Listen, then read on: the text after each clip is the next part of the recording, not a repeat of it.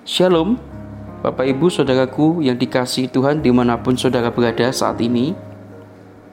Pada kesempatan hari ini, saya akan membacakan firman Tuhan dan kita akan bersama merenungkannya. Saya akan bacakan di dalam keluaran pasal 23 ayat 1. Demikianlah firman Tuhan. Janganlah engkau menyebarkan kabar bohong, janganlah engkau membantu orang yang bersalah dengan menjadi saksi yang tidak benar. Nah, Bapak Ibu, saudaraku yang dikasih Tuhan, ingatkah kita peristiwa yang terjadi menjelang penetapan presiden oleh KPU beberapa waktu yang lalu? Ada begitu banyak peristiwa rentetan-rentetan cerita yang ada saat itu, saudara. Namun yang menarik perhatian saya adalah sebuah pengumuman pemerintah yang di mana ada pembatasan internet pada waktu itu.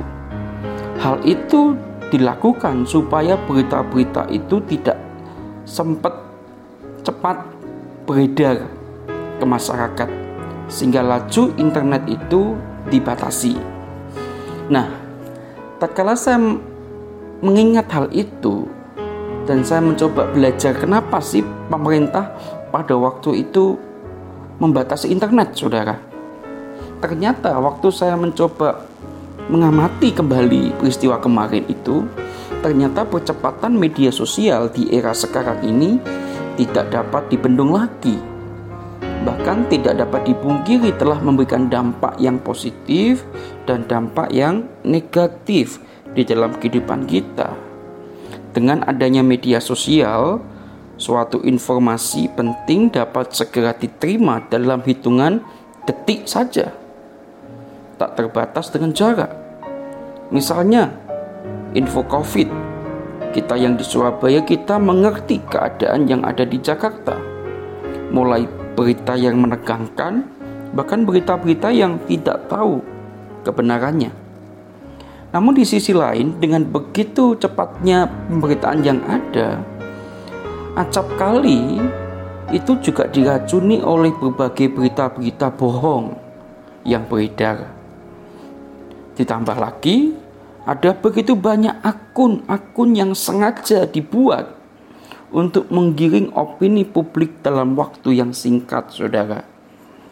Nah, tatkala saya kembali lagi mengingat Alkitab kita, dalam Alkitab kita yang saya pernah baca, ternyata berita bohong telah ada dari zaman dahulu. Salah satu kisahnya adalah tentang Hananya. Hananya itu adalah seorang nabi palsu yang meramalkan kekalahan Babel dan kembalinya orang buangan dan harta bait suci dalam waktu dua tahun. Bahkan Hananya telah berbicara menyesatkan bangsa Israel pada waktu itu, saudara. Nah, dari kisah itu, kita itu adalah anak-anak Tuhan yang memiliki cara hidup yang berbeda seharusnya. Dan sudah seharusnya kita itu memiliki tindakan dan respon yang berbeda pula saat dihadapkan dengan satu berita tertentu, saudara. Jangan sampai waktu kita menerima berita, kita itu cepat ikut terbawa emosi dalam menilai sebuah berita, bertindak secara gegabah, bahkan turut menyebarkan berita yang mungkin kita nggak ngerti kebenarannya seperti apa. Sudah sewajarnya saudaraku yang dikasih Tuhan, kita itu menggunakan media sosial dengan dan aplikasi lainnya itu dengan bijaksana dan memikirkan tujuan positif dari apa yang kita lakukan, yaitu tentunya mengabarkan berita-berita yang baik. Nah, yang harus dilakukan oleh kita sekarang adalah pertama, kita tidak boleh terprovokasi dengan pemberitaan di dunia maya. Kita pun juga harus mencari tahu kebenaran setiap berita yang kita terima, entah melalui Facebook, WA, dan lain sebagainya. Kita harus cek dulu kebenarannya sebelum kita menyebarkan kepada orang lain.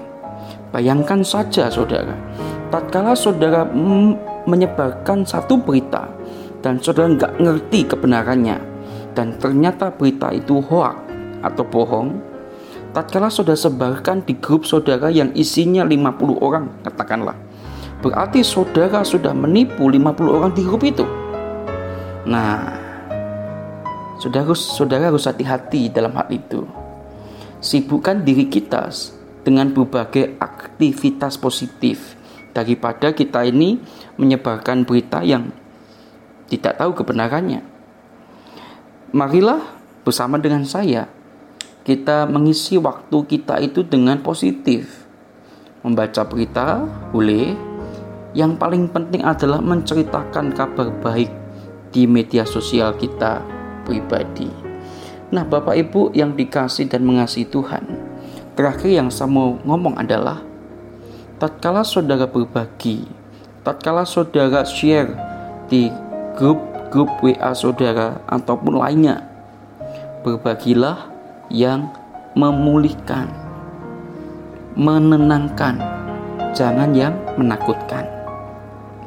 Jadi gunakan waktu-waktu sekarang ini, waktu-waktu sulit saat ini, bukan untuk menyebarkan berita yang membuat orang takut, tapi sebarkanlah berita yang memulihkan, menenangkan, menenteramkan, jangan yang menakutkan. Kiranya renungan pada hari ini boleh memberkati kita. Stay safe, stay healthy, stay worship, and God bless you.